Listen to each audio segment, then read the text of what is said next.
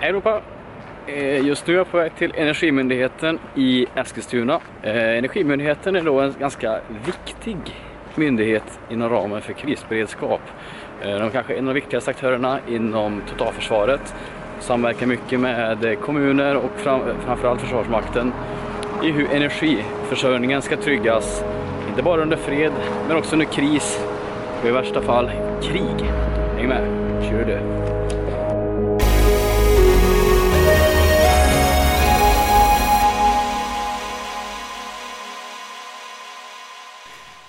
Hej Europa och välkomna till ännu ett avsnitt av Beredskapspodden. Bredvid mig har jag Mikael från eh, Energimyndigheten och vi kommer att prata om energiförsörjning. Ja, Välkommen Mikael. tackar. Då så, vem är du? Ja, jag, är, jag jobbar på Energimyndigheten, jobbar med trygg energiförsörjning. Jobbat här i 13 år ungefär. Och vad är då Energimyndigheten? Vad jobbar ni med? Energimyndigheten är en statlig myndighet eh, under Miljö och energidepartementet som jobbar mot visionen av ett hållbart energisystem. Alla, väldigt många olika delar av energipolitiken. Bland annat ansvarar för energiforskningen, eh, energieffektivisering, affärsutveckling, kommersialisering, eh, utredningar, rätt mycket arbete mot Bryssel. Väldigt mycket av energipolitiken påverkas ju av vad man hittar på i Bryssel. Ehm, energistatistiken är vi ansvariga för, en hel del styrmedel och sen då den verksamheten som jag har ansvar för, trygg energiförsörjning. Då så finns det ett annat, eh, en annan myndighet eller affärsverk, Svenska kraftnät. Vad skiljer er från Svenska kraftnät? Ja, det är, det är många som undrar det. Eh, Det är inte så komplext egentligen. Alltså det finns ju flera olika myndigheter i Sverige. Ett antal som jobbar med energi. Två av dem är Svenska kraftnät och Energimyndigheten. Eh, Svenska kraftnät är ju stamnätsoperatör, det vill säga att de är, är ansvarig för motorvägen kan man säga i elförsörjningen, det, det, det stamnätet för el. Sen är de också elberedskapsmyndighet och som elberedskapsmyndighet så är de ansvariga för, man ska säga, krisberedskap och planering för höjd beredskap eh, kopplat till handel, produktion och distribution av el. Energimyndigheten är ju en, en central myndighet, förvaltningsmyndighet med ett bredare ansvar inom hela energiområdet, inte bara el. Ehm, på en högre, om man ska säga, annan nivå än helikopterperspektiv. Och sen har vi också eh, väldigt mycket operativa ansvar. Om man ska titta på el så är det ju mer eller närmare konsekvenser i samhället och energianvändare. Ansvarar för ransonering, ansvarar för planering för prioritering av samhällsviktiga elanvändare. Liknande. Ehm, Sen har vi, är vi ansvariga för olje, Sveriges olje och drivmedelsberedskap, för trygg naturgasförsörjning. Och så. Vi har ju också en roll i Sveriges krishanteringssystem och planering för höjd beredskap. Du nämnde i inledningen här trygg energiförsörjning. Kan du bena ut det begreppet lite mer? Kan försöka. Ja. Eh, energipolitiken eh, är en... Eh, dels är ju energi väldigt integrerat i alla delar av samhället. Allting vi gör, alla man ska säga, politikområden eller alla samhällsområden. Eh, dels är ju energi ett politikområde för sig. Där man har mål för energipolitiken. Eh, och målet för vår energiförsörjning, målet för vår energipolitik, det är att det ska vara så miljövänligt som möjligt. Det ska kosta så lite som möjligt. Och det ska vara så tryggt som möjligt. Alltså att eh, vi, användares behov ska finnas tillgodosedda. Vi ska ha energi när vi vill det. Lamporna ska lysa när vi vill det. Vi ska kunna ta oss från A till B när vi vill det. Det ska vara varmt i våra hus under vintern. Vi ska kunna lita på att det är varmt i våra hus. Vi ska kunna lita på att vi kan ta oss från A till B. Eh, så att där, där någonstans finns trygg energiförsörjning. Och det är ju ett mål i energipolitiken. Och det andra då att vi ska uppnå det så billigt som möjligt och vi ska uppnå Eh, så låga miljökonsekvenser som möjligt också till så låga kostnader som möjligt. Eh, och det, det är kombinationen av de här tre målen som är utmaningen egentligen många gånger i energiförsörjningen, energipolitiken. Både på, hos mig som energianvändare och eh, för en kommun, för en industri, för stater och globalt. Vilken är den största utmaningen då skulle du säga? Ja, det beror ju helt och hållet på. Den största utmaningen beror ju, alltså det beror ju på vad det är man vill uppnå och vad det är för utgångsläge man har. Så det, det, ser olika ut. I Sverige ser ju energiutmaningar helt annorlunda ut än i, i södra delen av Afrika till exempel. Så att det varierar väldigt, väldigt mycket. Det är svårt att ge ett konkret svar på det. Eh, men eh, man ska säga hur vi försöker jobba med trygg energiförsörjning i Sverige, det är ju väldigt mycket att vi baserar det på välfungerande energimarknader. Att, att tydliga ansvar och roller för aktörer att leverera energi eh, till en rimlig kostnad med miljökrav eh, som motsvarar de behov som finns i samhället. Och sen så funkar ju inte alltid det och då behöver man se till att det finns krishanteringsåtgärder och gärna då som stöder eller förstärker marknads, marknadens funktion. Och om inte det funkar så kan det behövas andra typer av krishanteringsåtgärder. Och det här jobbar vi med. Vi jobbar tillsammans med väldigt många andra aktörer i samhället. Ehm, och energi är ju inte bara el, utan energi är ju väldigt många olika typer av delenergisystem kan man säga. Vi har ju värme, vi har gas, vi har drivmedel, vi har el.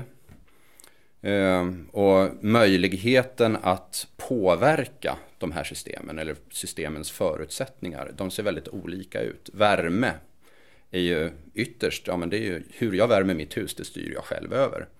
Många kommuner har ju fjärrvärme, men det är fortfarande väldigt lokalt. Man kan, man kan styra över försörjningstryggheten på ett ganska bra sätt. Man kan balansera eh, både förebyggande och lindrande av, avhjälpande åtgärder vid, vid värmeavbrott lokalt ganska bra, om man vill.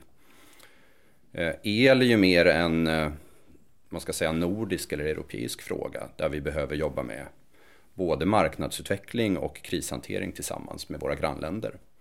Gas är ju mer en man ska säga, europeisk eller global fråga och olja och drivmedel är ju helt och hållet global. Finns det då några risker med, med en strävan att nå efter miljövänlig elproduktion? Egentligen inte. Alltså det är ju ett av de målen som ska uppnås. Sen är det ju alltid så att i all typ av utveckling så ändrar man förutsättningarna för kostnader, miljö, försörjningstrygghet.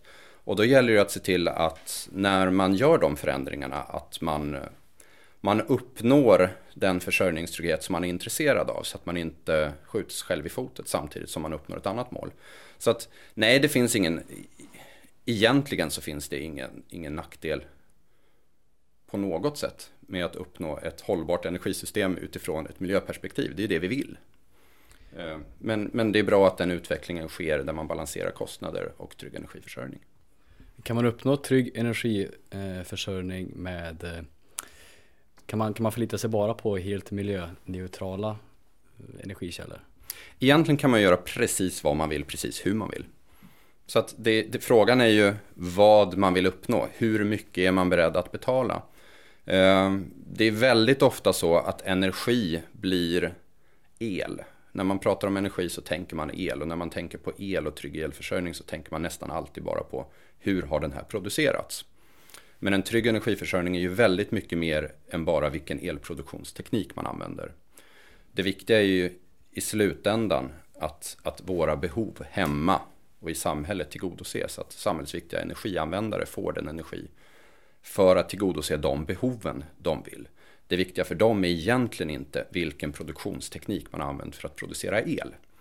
Men om man ska titta ändå då på olika typer av produktionstekniker så är det ganska bra att inte lägga alla ägg i samma korg. Det är bra att ha en diversifiering både utifrån tekniker, eh, geografi och liknande.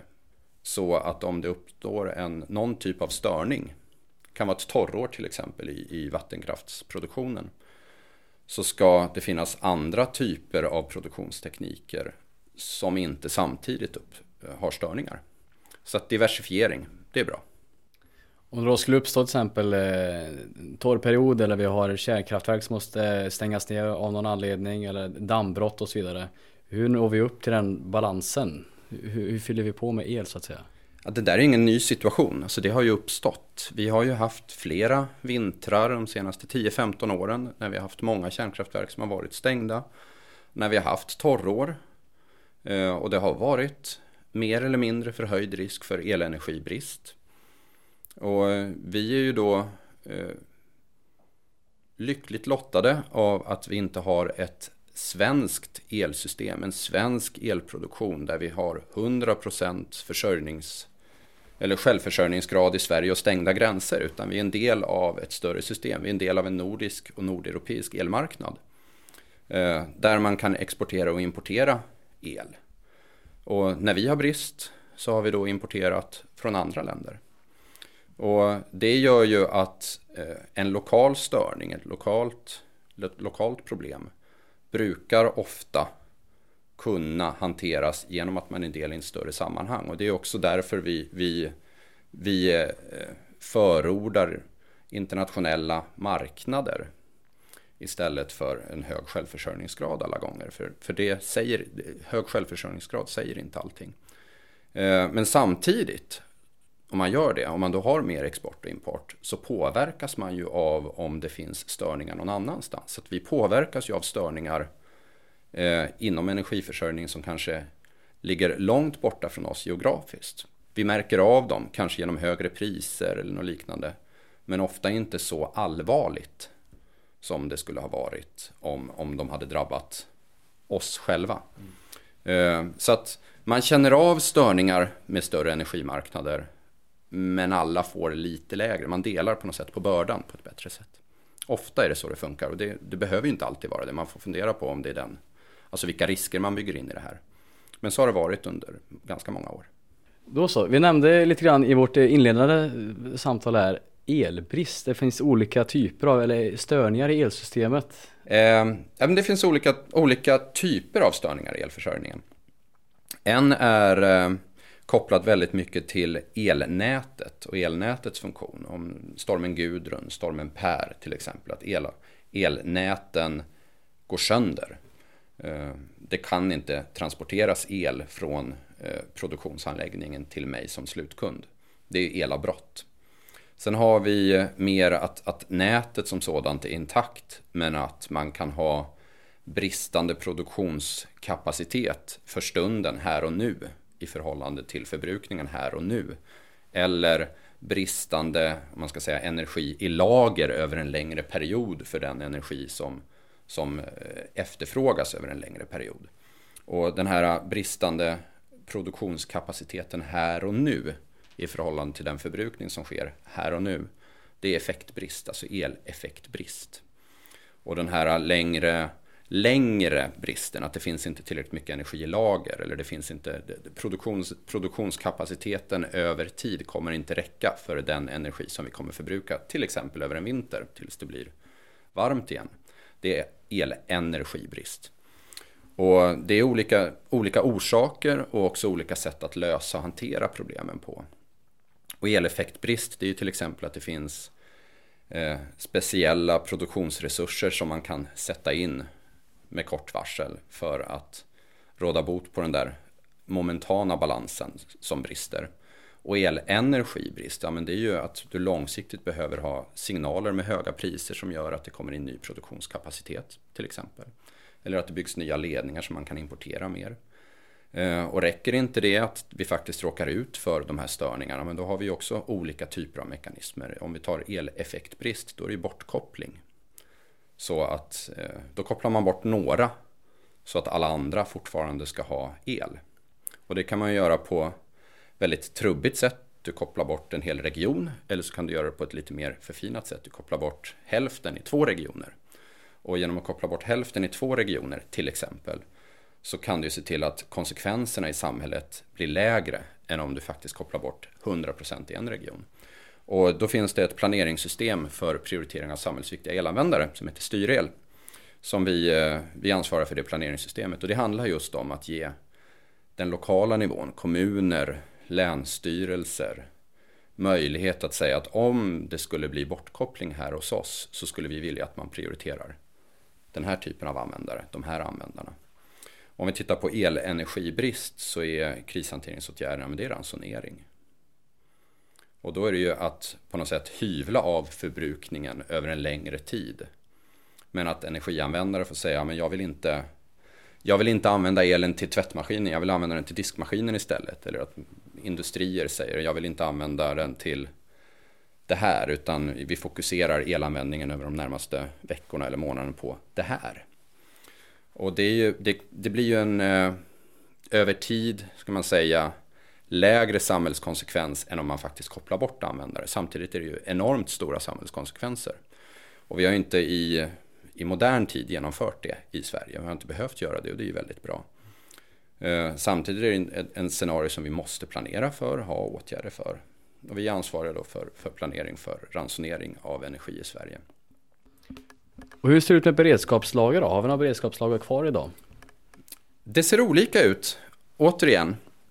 Eh, om vi, när man pratar beredskapslager så pratar man väl kanske ofta, åtminstone i, i de kretsar jag rör mig i, så pratar man väl ofta om beredskapslager av livsmedel och mediciner och drivmedel och liknande. Eh, och sen får man, får man höra ganska ofta att men det finns inga beredskapslager och det stämmer inte. Alltså det finns beredskapslager inom, inom mitt område. Det är ju väldigt många beredskapslager inom olika sektorer som har lagts ner. Men av, av de jag nämnde så finns det beredskapslager av olja och drivmedel. Och det är, eh, vi är ansvariga för att det sköts, det systemet. Följer en lagstiftning som heter lagen om beredskapslagring av olja. Eh, där vi fattar beslut inför kommande lagringsår att så här mycket ska det finnas i lager utöver de kommersiella lager som finns. Vilka aktörer, och det är ofta då de som importerar eller säljer stora mängder olja och drivmedel som ska hålla de här lagren. Och sen ser vi till att de gör det också. Hur många dagar säger ni att det ska finnas beredskap med drivmedel och så vidare? Ja, det är vad lagen säger eh, och vad Sverige har åtagit sig i internationella avtal och också enligt EU-direktiv. Och det är att det ska finnas 90, i princip 90 dagars förbrukning utöver kommersiella lager.